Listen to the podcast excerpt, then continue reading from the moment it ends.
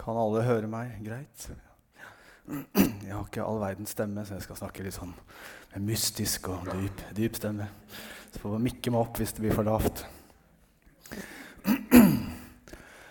Uh, mitt navn er Andreas Magnus, og jeg er med i lederskapet her i kirken. Uh, og uh, vi holder på med et tema hele denne vinteren og våren her som handler om hvem er Jesus Hvem er Jesus? Hvordan kan vi bli kjent med Jesus gjennom bibeltekstene? Og de titlene og de rollene Jesus har i Bibelen. Og jeg vet ikke om du husker Sist så snakket vi om Jesus som veien. Og Monica snakket, nei, det var Maria og Solveig. Hvordan kan Gud lede oss gjennom livet? Eh, og I dag har vi kommet til temaet Jesus som rabbi. Jesus som læremester. Og Jeg har lyst til at vi skal dykke litt inn i bibeltekstene. Og så skal jeg prøve å gjøre de litt levende for dere. Eh, og gjennom å formidle litt av den historiske og kulturelle konteksten som gjør at vi forstår litt mer av nyansene og dybdene i det Jesus gjorde og sa. Og gjennom det også eh, hva, hvilke forventninger han hadde til disiplene sine, og hva det vil si for oss å være disipler av Jesus i dag. Så Det er målet mitt. Jeg håper dere er klar for en skikkelig lang tale. Eh, jeg kan ikke være noe dårligere enn Paulus. Han talte jo til folk eh, sovna og falt ned og døde. Men vi har jo et skikkelig bra bønneteam her i menigheten, så de ordner vel det etterpå. tenker jeg. Nei, jeg skal prøve å holde meg til rammene så godt det lar seg gjøre. Så først litt. Selve ordet rabbi, hva ligger i det? Jo, det ble en sånn eh, yrkestittel først etter år 70, når romerne jevnet Jerusalem med jorda. Eh, men før det så var det mer sånn ærestittel. Eh, liksom du, en, som en læremester eller en, eh, en, du så opp til. Og det var nok slik den ble brukt om Jesus. For eh, det er en av de titlene som brukes oftest om han i, i evangeliene.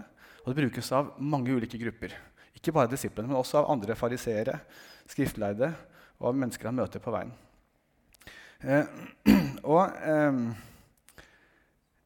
Når Nytestamentet snakker om eh, rabbienes etterfølgere, disipler, så brukes det greske ordet matat, matates.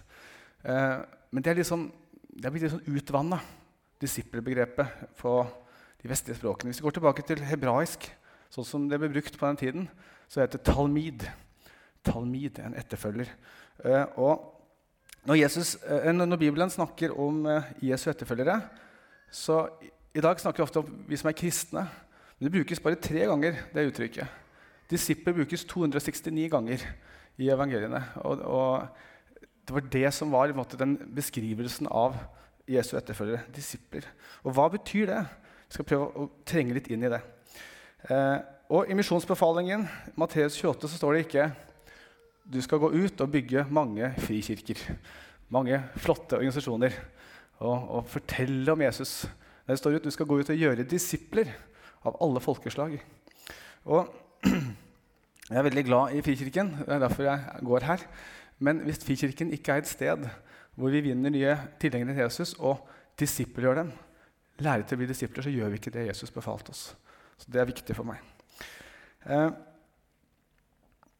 og vi prøver å forstå dette begrepet disippel, så eh, har jeg, ikke, jeg har ikke alle svarene. Jeg har bare fasiten, sånn som jeg pleier å si til elevene mine. Eh, nei, men det er, det er, mye som skrives om det her. Og kildegrunnlaget er jo litt spinkelt utover evangeliene. Men man prøver å pusle sammen bitene. Og jeg har hentet hjelp fra flere flinke folk, sånn som en som Ray van der Laan, som jeg anbefaler de som er interessert i å forstå mer av dybdene gjennom å forstå konteksten av Bibelen. Kan gjerne søke opp han. Eh, en som heter David Pelleggi, er pastor i Jerusalem. Har bodd og jobbet i den konteksten i hele sitt liv. Fantastisk eh, rikdom i å høre på disse folkene. Og så skal jeg gi litt eh, kred til min bror, som har jobbet med disippelskap eh, på fulltid de siste 5-6-7 årene i Oslo. Og har forsket masse på det her, så jeg har stjålet mye i det fra han også. Ok. For jødene på Jesus' sin tid, og nå har jeg lagt fra meg Bibelen, men så handlet det mye om denne boka her. Minus Nytestamentet, Bibelen. Og eh, for mange kristne i dag så jeg rundt og snakker med folk, så oppdager jeg at folk er litt sånn forlegne nærmest over Gamletestamentet. Eh, det oppleves det som Moseloven det oppleves litt sånn veldig lovisk og Eh, litt sånn eh, komplisert, nesten litt sånn livsbegrensende, føler jeg at noen, noen tenker. Men sånn tenkte ikke jødene om sin Tora, loven, Moseloven. Eh, og det er litt sånn Når vi feirer 17. mai, nå er det ikke så lenge til vi skal gjøre det, så er det ikke sånn at da feirer vi grunnloven vår. Det er ikke å tenke at å, huff, denne grunnloven er veldig tung og, og den er så lovisk. Og, jeg tenker, For en fantastisk grunnlov, en rettferdig grunnlov som vi kan bygge samfunnet vårt på.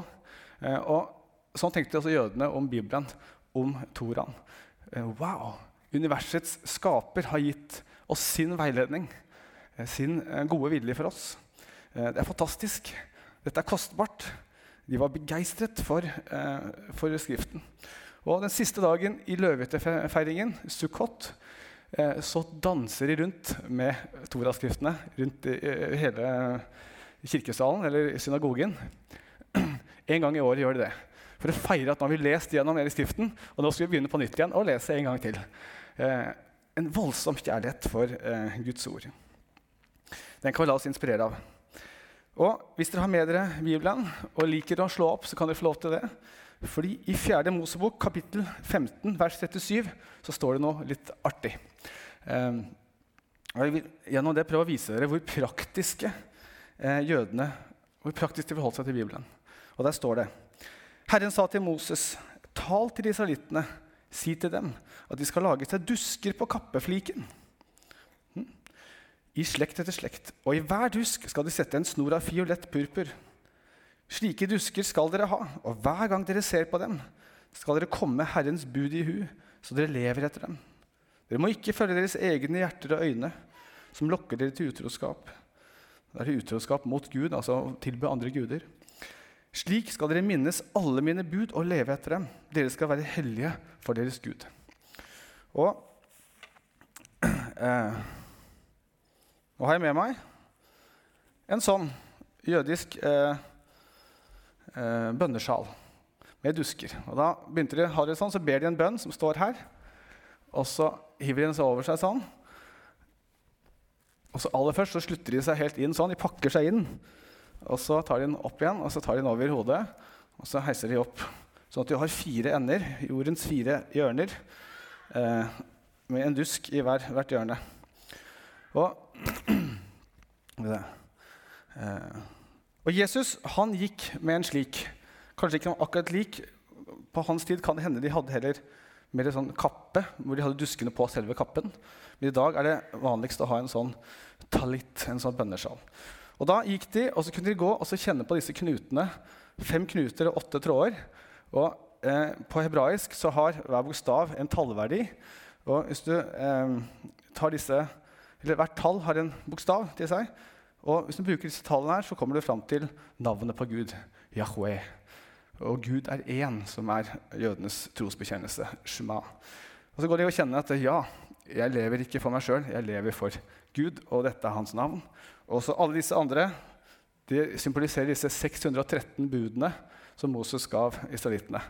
Skal gå helt fysisk og kjenne på dem og minne seg om det. Ganske fascinerende. Og eh, Jesus han, han, var en skriftleid. Han fulgte de jødiske skikkene. Eh, så han gikk med en sånn her. Og eh, de lærte seg Bibelen utenat. Jeg kommer litt tilbake til det. For de hadde ikke noe de kunne slå opp. De hadde ikke noen mobil de kunne fiske opp og eh, slå opp eh, på. Eh, de måtte kunne det utenat hvis du skulle ha noe nytte av det. Og av og til tenker jeg kanskje vi, vi går glipp av en del ved at vi, vi lærer oss ikke ting utenat lenger.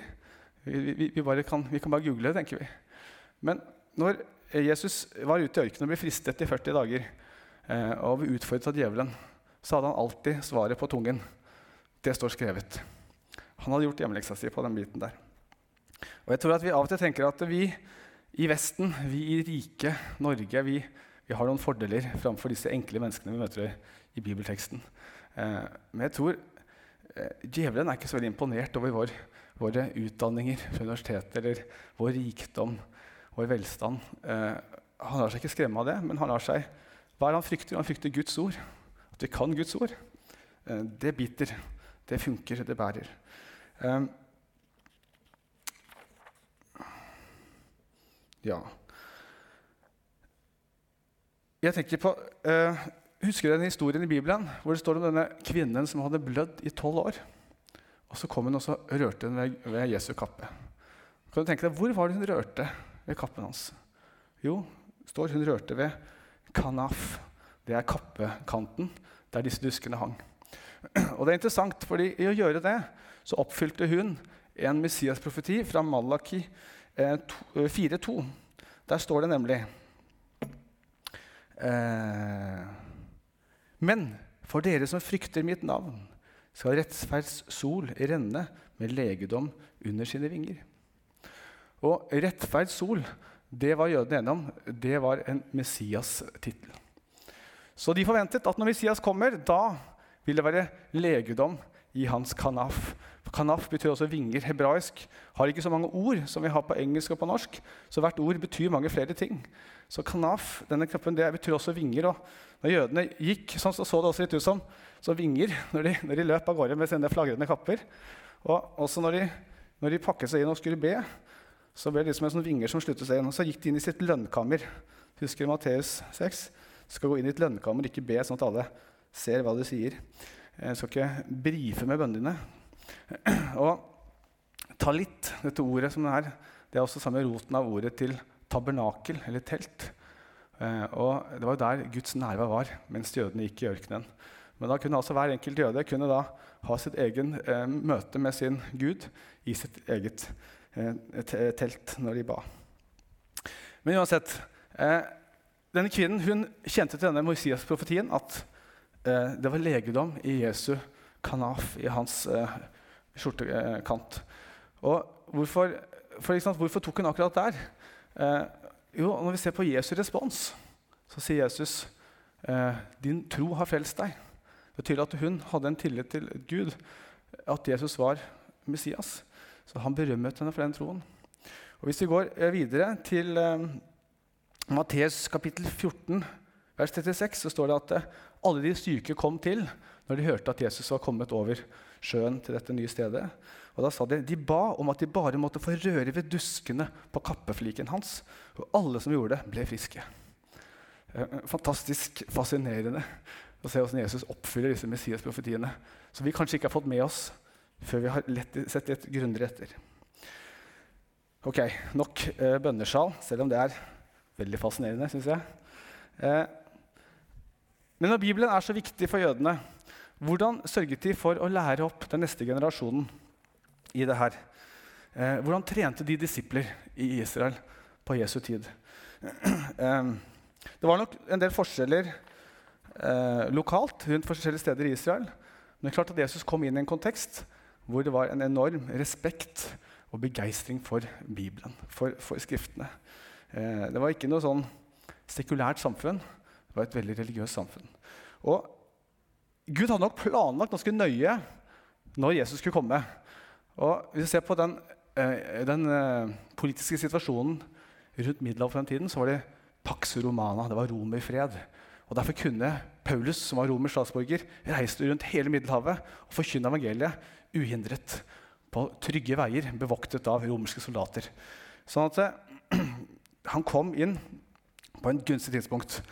Ikke bare var det fred eh, under romerens eh, herredømme, men eh, Gud hadde brakt fram sitt eiendomsfolk, Israel, som hadde blitt lært opp i Skriften. Så de kunne Skriften ut og inn, som jeg har forklart nå. Eh, og de var veldig interessert i å finne ut hvem er Gud, hvordan kan vi ligne på Gud. De var klare for å ta imot Jesus, selv om ikke alle aksepterte han selvfølgelig. Litt mer om bakgrunnen. Jødene de hadde jo vært fanger i Babylon. Og så hadde de vendt tilbake. Eh, og nå hadde det gått 400 år cirka, fra da til Jesus kommer. Og i den perioden hadde det ikke vært noen store åpenbaringer fra Gud. Derfor er det et 400 års gap i Bibelen mellom Gamletestamentet og Nytestamentet. Og når de kom tilbake fra Babylon, så hadde jødene en idé om at nå skulle det bli en glansperiode. Nå skulle de få sitt eget land, de skulle bygge opp igjen tempelet. Nå skulle de liksom høre fra Gud igjen. Og så ble det ikke helt sånn. De levde stort sett under okkupasjon, med unntak av et liten tidsrom. Eh, ja, de bygde opp tempelet, men det står i Esra eh, 3,12 at de eldste de gråt når de så eh, fundamentet til tempelet, hvor stusslig det var i forhold til det gamle, storslagne tempelet til Salomo. Eh, Så det var skuffelse på skuffelse. Og de følte at de hørte ikke ordentlig fra Gud. Det kom ikke disse store åpenbaringene. Det kom ikke noen nye skrifter fra Gud. Eh, og det var en viss frustrasjon over at selv om de var begeistret for Moseloven, det var ganske vanskelig å følge alle disse reglene og holde styr på alt sammen. Og hva når to regler kolliderte? Sånn som på sabbaten, som du skulle holde hellig. Men så var det noen som trengte hjelp på sabbaten. Hva var viktigst? Det var en svær debatt. Og Jesus går jo rett i denne debatten, og så sier han sabbaten er til for menneskene, ikke omvendt. Så tar han stilling i denne spørsmålet. Og det var et stort spørsmål på den tiden. Eh, og Pga. denne åndelige tørkeperioden eh, så eh, var det mange jøder som lurte på hva er det som er gærent. Hva er det som er gærent med oss? Og de lander på at eh, vi er for syndige. Vi behager ikke Gud med livene våre. Ja, hvordan skal vi få til det? Hva er det som er det viktigste? Hva er det som er nøkkelen til å igjen høre fra Gud?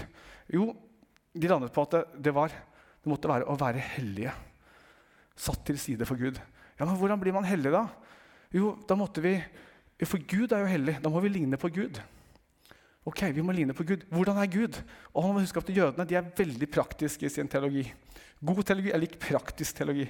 Så De har ikke noen sånne abstrakte begreper, begreper av Gud, sånn som vi i gresk eh, tenkning ofte bruker mye tid på. Men de ser på historien. Hva er det Gud har gjort med sitt folk? Helt konkret, hva har han gjort? Eh, og Da fant de fram til en del ting. Jo, å holde sabbaten hellig. Og det å, bare det å hvile, hvile på stopp, for det gjorde Gud. Han hvilte på den syvende dag. Det er gudfryktig å gjøre. Ok, En annen litt sånn fiffig ting å begrave de døde. Hvor har de det fra? Nei, Gud begravet Moses, står det. Gud begravet han selv. Så det må være noe som er bra å gjøre. Og det er fortsatt en dag i dag veldig viktig i jødisk kultur. Eh, gravferd. Kreativitet. Gud er jo skaperen av universet. Vi må være kreative. Da ligner vi Gud. Og Hvis du ser på jødene selv i dag, så er det ikke noe land i verden som har så mye patenter per innbygger som det Israel har. Og det er heller ikke noe folk som får så mange eh, nobelpriser i de tunge fagene som jødene får. De utgjør 0,3 av verdens befolkning, og de får mellom eh, 25 og 30% av alle nobelpriser. Så de er kreative. Gifte bort. Det er en historie i Talmud, denne muntlige tradisjonen til jødene, som først ble skrevet ned etterpå, senere, hvor de sa at Gud arrangerte ektes, nei, bryllup for Adam og Eva i Edens hage. Så det å gifte vekk, det var en gudsfryktig handling.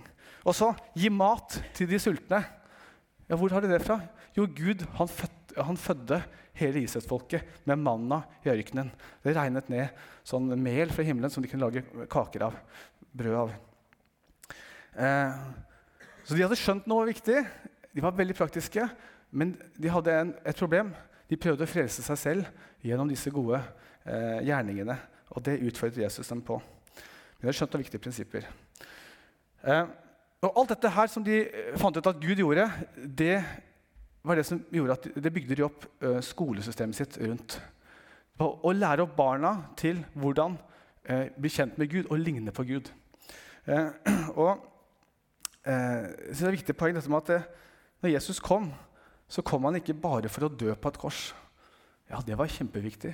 Men hvis det var det eneste han kom for å gjøre, så kunne han bare dødd med en gang. Men han levde jo et liv. Han tok seg disipler, han vandret rundt. Han kom jo nettopp for å vise oss hvordan skal vi leve livet våre. Sånn som jødene gikk og lurte på.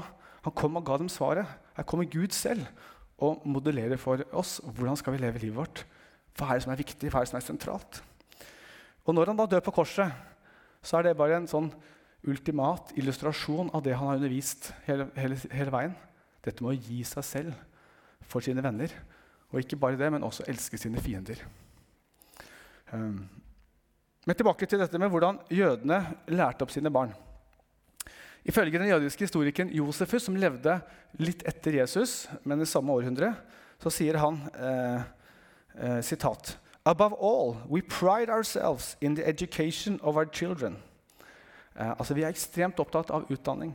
Og i Talmud, denne eh, muntlige tradisjonen til jødene, så står det at eh, Under the age of six, we do not receive a child in school, but from the age of six and upwards, we stuff them with the Torah like an ox. Vi bare mater inn med Toraen. Så vi leker og morer oss til vi er seks år gamle, og fra da er det seriøse studier. Da skal vi bare spise Guds ord og lære det utenat. Og så de aller fleste gutter, og ganske mange jenter også, de gikk sannsynligvis på skolen fra fem-seksårsalderen. Eh, og så datt folk av etter hvert. Det ble mye dropouts. Men, eh, for det var, det var, ikke noe sånn alle skal med. Altså. Det var ikke noe sånn fellesskolen. Eh, men målet var fram til tolv år å lære eh, for guttene lære Toraen utenat. Og jentene de fikk lære eh, ordspråkene og salmene og litt av 5. Mosebok, fordi det var relevant for deres oppgave, nemlig å lede gudstjenestene i hjemmet. For hver sabbat, med unntatt av tre ganger i året, hvor man skulle til Jerusalem, så feiret man gudstjeneste hjemme i hjemmene. Og da var det kvinnene som ledet gudstjenesten. Vi måtte kunne disse tekstene. Så mange kvinner kunne nok mye av Bibelen også utenat på den tiden. Og når vi ser av Jesus, De gangene det står at Jesus snakket spesifikt til kvinner, så siterer han alltid det er tre ganger tror jeg, så siterer han alltid eh, skriftsteder fra det som kvinnene kunne. Så han kjente sitt publikum, og det er noe vi kan også uh, lære av. Uansett eh, og eh, det første, gang skole, første, dagen på skolebenken hos den lokale Tora-læreren i synagogen, som var det kulturelle sentrumet på den tiden, så eh, tok han fram honningkrukken. Nå har faktisk litt honningvann oppi her, for jeg har litt sår hals i dag. Og så sendte han det rundt, så fikk alle ungene dyppe fingeren sin i honningen, og så fikk de smake. Mm. Og da hadde de ikke noe smågodt på den tiden, så honning var det søteste man visste om. Og det var eksklusivt. Og budskapet var smak og kjenn. Mm. Sånn smaker Guds ord. Eh, det er kostbart, og det er eh, eh, verdifullt. Det er som godteri. Det er som Salmo sier det, i ordspråkene at det er som eh, legedom for sjelen. Eh, så de elsket Guds ord, og de ble lært opp til det. Og så begynte de harde studiene etter denne smaksprøven første dagen. Og det gjaldt å lære dette utenat så godt det lot seg gjøre. Ikke alle som klarte det, og det var ikke noen skam hvis du hadde gjort et ærlig forsøk.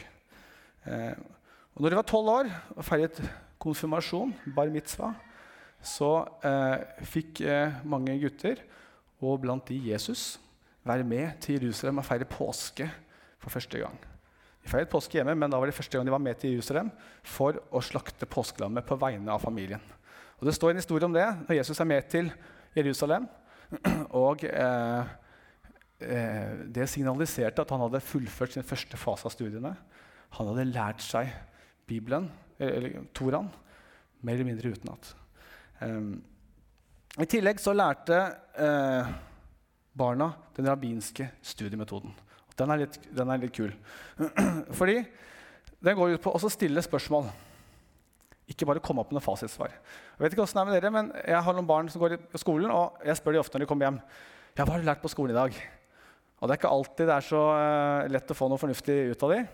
Men en jødisk uh, måte å gjøre det på ville vært å heller spørre dem uh, har du stilt noen gode spørsmål i dag. Og så F.eks. i matematikk, da, hvis du får spørsmål hva er 5 pluss 5, så vil et godt svar være mm, det er 20 minus 10. Du svarer med et mot, motsvar, et motspørsmål. Eller, eller hva er 20 minus 10? Det blir som Jeopardy. hvis du husker det. Eh, og hva, hva, er det som er viktig med det? Jo, for at eh, Istedenfor bare å pugge et svar, så viser det at du har forstått det. Du kan svare med noe annet. Du vet også det, et annet svar som betyr det samme. Og sånn, sånn holdt de på. Og, eh, og, Jesus han lærte den metoden. Så når han var med, jødene, nei, var med foreldrene til Jerusalem for å feire påske og, og slakte påskelammet og Så dro de hjem etterpå, så glemte de igjen, eller de trodde han var med i reisefølget. og så var han ikke det. Og De stressa og lette etter han i tre dager. Og Så fant han i tempelet. Og jo, i tempelet, jo, han satt står det, med de skriftleide og lyttet og stilte spørsmål. Eh, og Det står at de var forundret over hans innsikt og visdom. Og Noen tenker at Jesus selvfølgelig kunne han Bibelen. Han er jo Guds ord. Han er jo Gud. Han har nærmest skrevet, skrevet det her. Men jeg tror Jesus levde under mange av de samme begrensningene som vi hadde. Han var fullt ut menneske. Han måtte gjøre det the hard way. Han lærte seg teksten, sånn som de andre barna på den tiden. Og Tenk på det neste gang du åpner Bibelen. Prøv å stille noen mer spørsmål til teksten. Jeg tror det vil gjøre teksten mye mer interessant. Ikke bare liksom les videre, men still spørsmål til den. Hvorfor gjør de det på den måten her? Hva mener han egentlig med det her? Hva, øh, hvordan skal jeg forstå dette? Så tror jeg det vil åpne seg nye ting etter hvert som du spør. Og Gud er ikke redd for spørsmålene våre. Gud frykter ikke våre spørsmål. Men ikke gi deg med bare spørsmålene. Prøv å finne noen gode svar også. Eh, for det kan være med på å styrke troen din. Og så har du noen svar å gi videre til andre som også trenger gode svar. Så det er en oppfordring. Eh, så når de var ferdige med denne delen av utdanningen, så har de brukt masse tid i Skriften, disse eh, ungdommene og barna. Eh, og de som var gode nok da, og dedikerte nok, og som kunne komme videre, de gikk inn i det som ble kalt for Bet Midrash, fortolkningens hus. Da var de 13-14 år og klare til å finne seg en rabbi å følge etter. Og da var det sånn det foregikk at de, de hadde kanskje hørt om flere rabbier, og så fant de ut at han var litt for komplisert. og nei, han er ikke så sant for meg, han, han liker jeg. Og så kom de til han, så det kan jeg få lov å følge deg.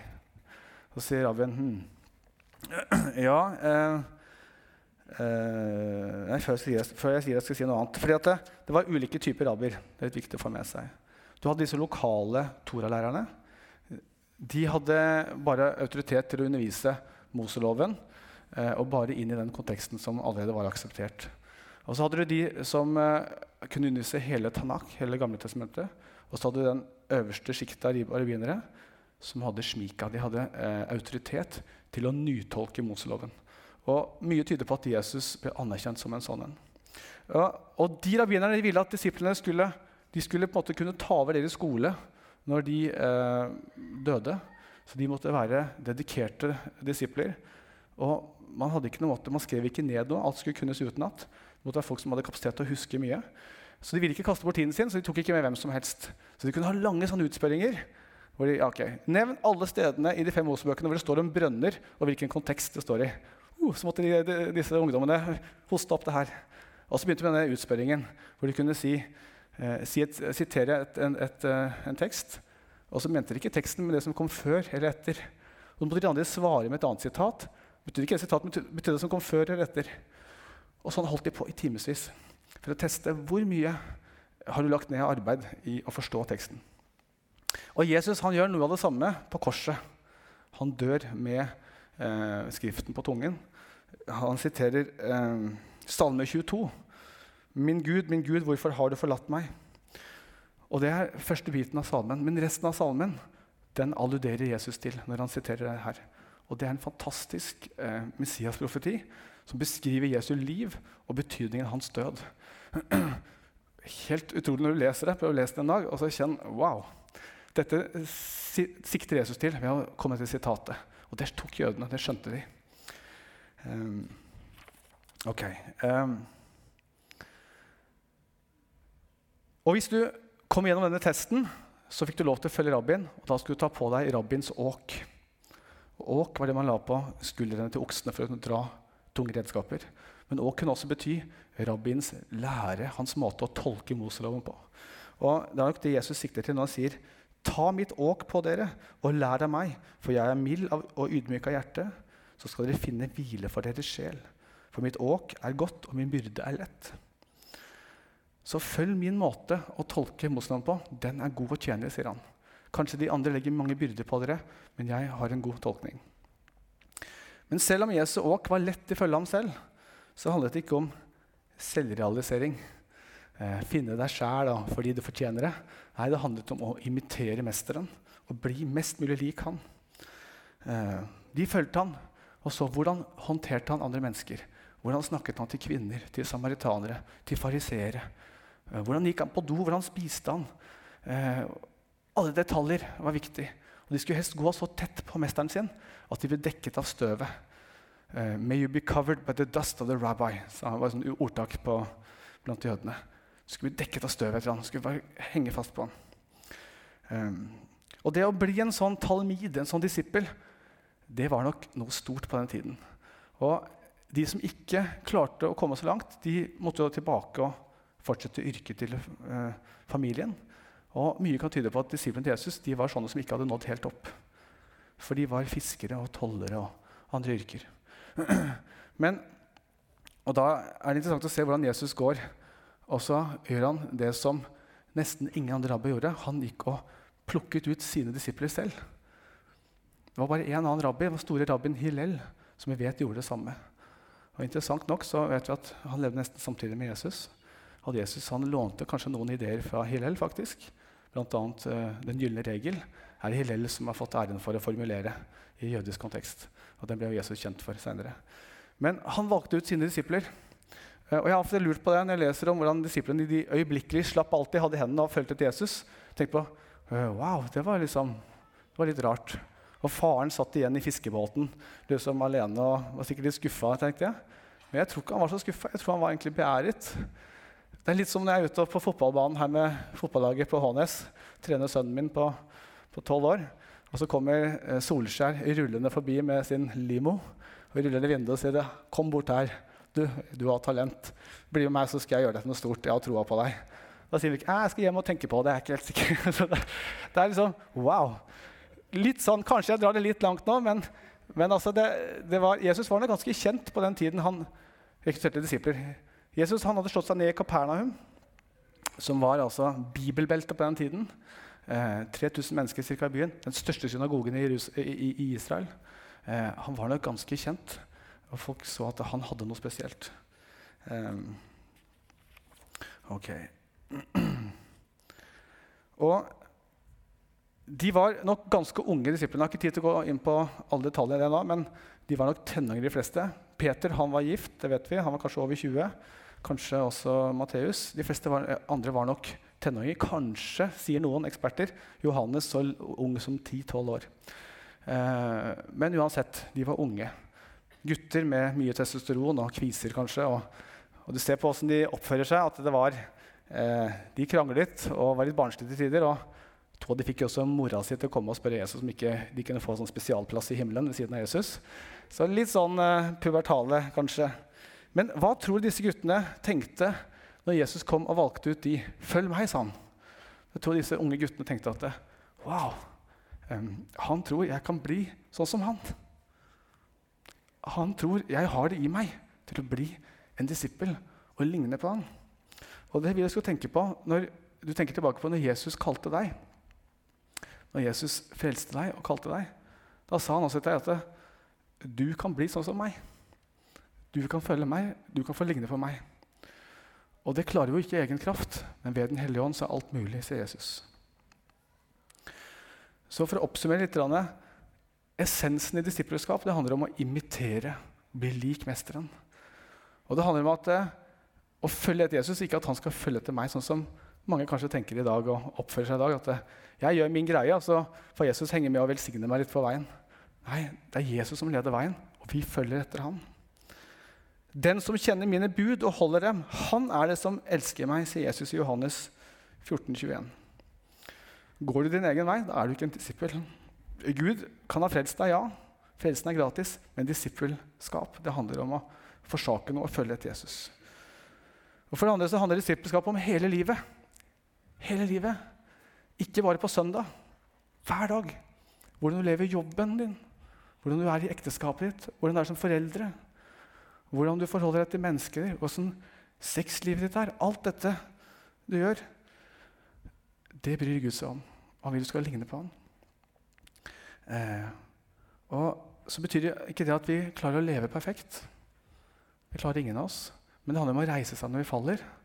Det handler om å be om tilgivelse når vi har gått feil. Og Kong David er et kjempebra eksempel på det. Han falt nok oftere og kanskje dypere enn det noen av oss, mange av oss kommer til å gjøre. Men hans ettermæle ble at han er et mann etter Guds hjerte. Han omvendte seg gang på gang. Um. Så avslutningsvis Hva vil det si for oss i dag å være en disippel? Helt konkret. Hva er det vi kan huske på? Det er mange ting, og jeg har ikke tid til å ta alle tingene i dag. Men det handler om å finne et fellesskap. Du kan ikke være disippel alene. Du vil trenge støtte rundt deg. Eh, det handler om å få noen rytmer i livet, sånn som de snakket om på starten av gudstjenesten. Å be og tilbe Gud jevnlig. Men det jeg vil trekke fram i dag, er dette med å lære deg Skriften. Bli glad i Bibelen. Da får du et sånn indre kompass som kan hjelpe deg å navigere i en verden som kommer med mange budskap som er i strid med Guds ord.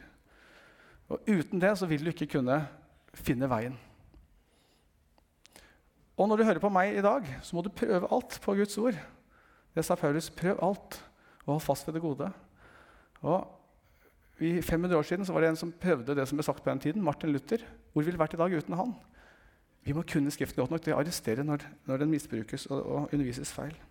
Og så må du gi det videre. Du må skaffe deg noen disipler, du også, som du kan gi det videre til. Og når du gir det videre, så blir du en kanal for Guds velsignelse istedenfor et sånn dødehav, et sånn endepunkt. Og da merker du at du trenger påfyll også. Det vil drive deg inn i teksten og inn nærmere Gud. Og når jeg står i dag, så er det litt fordi at jeg liker å si ja til utfordringer. For jeg vet jeg trenger det. Det er godt for meg. Det driver meg inn i teksten, inn i, Bibelen, inn i bønn til Gud. Og for de av oss som er foreldre, så har vi allerede noen disipler som følger oss og blir som oss, på godt og vondt. Og det er et stort ansvar. Men tenk på barna dine som disipler. Det tror jeg vil gjøre noe med hvordan du forholder deg til dem. Og hvis du ikke har barn, Se rundt deg. Er det noen andre unge mennesker du kan få lov å disippelgjøre og bety noe for? Vi har Push, vi har Track her på kirka, som trenger ledere. Er det noe du kan disippelgjøre? Og helt, helt, helt til slutt, Monica, så Jesu eh, første disippel, Peter, lederen i disippelflokken. Han som var den eneste som forsvarte Jesus i Getsemane når han hogg øret til øverstprestens tjener. Han som gikk på vannet med Jesus, han som så Alt det Jesus gjorde. Og så var det én tjenestepike som utfordret han, og så kollapset hele hans fantastiske tro. Han fornektet Jesus ikke én, men tre ganger. Og han trodde at nå var det gjort. Det var en kardinalsynd til en, en disippel å forråde rabbien sin. Um, nå var det som alt bortkasta. Kan jeg reise hjem og bli fisker igjen? Og hvor er det Jesus finner han? Hjemme på fiske, fiskebåten på, på eh, Galleria-sjøen. Eh, og så gjenoppretter Jesus han. Han sier, 'Elsker du meg?' tre ganger. Og, eh, og han får svare ja. Ja. Og så, før mine lam, bli leder for flokken. Og på denne klippen skal jeg bygge min kirke, sier Jesus. Eh, hvilken nåde, hvilken tillit, hvilken gjenopprettelse. Sånn er Gud. Så ble. Eh, det er først når Peter kommer til enden av seg sjøl, at Gud virkelig kan bruke han. Og Sånn tror jeg for oss også. Så at Gud står den stolte imot, men ydmyke gir nåde. Eh, så selv om du føler at jeg har mislykkes, jeg har syndet, jeg har hatt en høy bekjennelse, og så kollapset alt, eh, jeg får det ikke til, så er det en ny sjanse og en ny sjanse. Men det kommer til å koste. Det kostet 11 av 12 disipler martyrdøden. Og det kommer til å koste for meg og deg å følge Jesus. Men når universets herre kaller, så er det for meg bare ett svar som er gyldig, og det er ja, jeg vil følge deg. Jeg beklager. Litt ekstra grøtet stemme på slutten her. Men det var det jeg ønsket å si. Ehm, vi har en mester som ga sitt liv for oss, og vi var villige til å følge han eh, der han leder. Det er det disippelskap handler om. La oss be en kort bønn. Kjære far, takk at uh, du gir oss nåde på ny når vi feiler. Men du kaller oss til å følge etter deg. Der du leder. Takk at uh, ditt åk er lett og gammelig. Du vil oss det beste, og du har det beste for oss. Ikke det letteste, men det beste, det høyeste. Hjelp oss å følge deg, og hjelp oss å eh, ha disipler som vi også kan trene opp til å følge deg. I Jesu navn. Amen.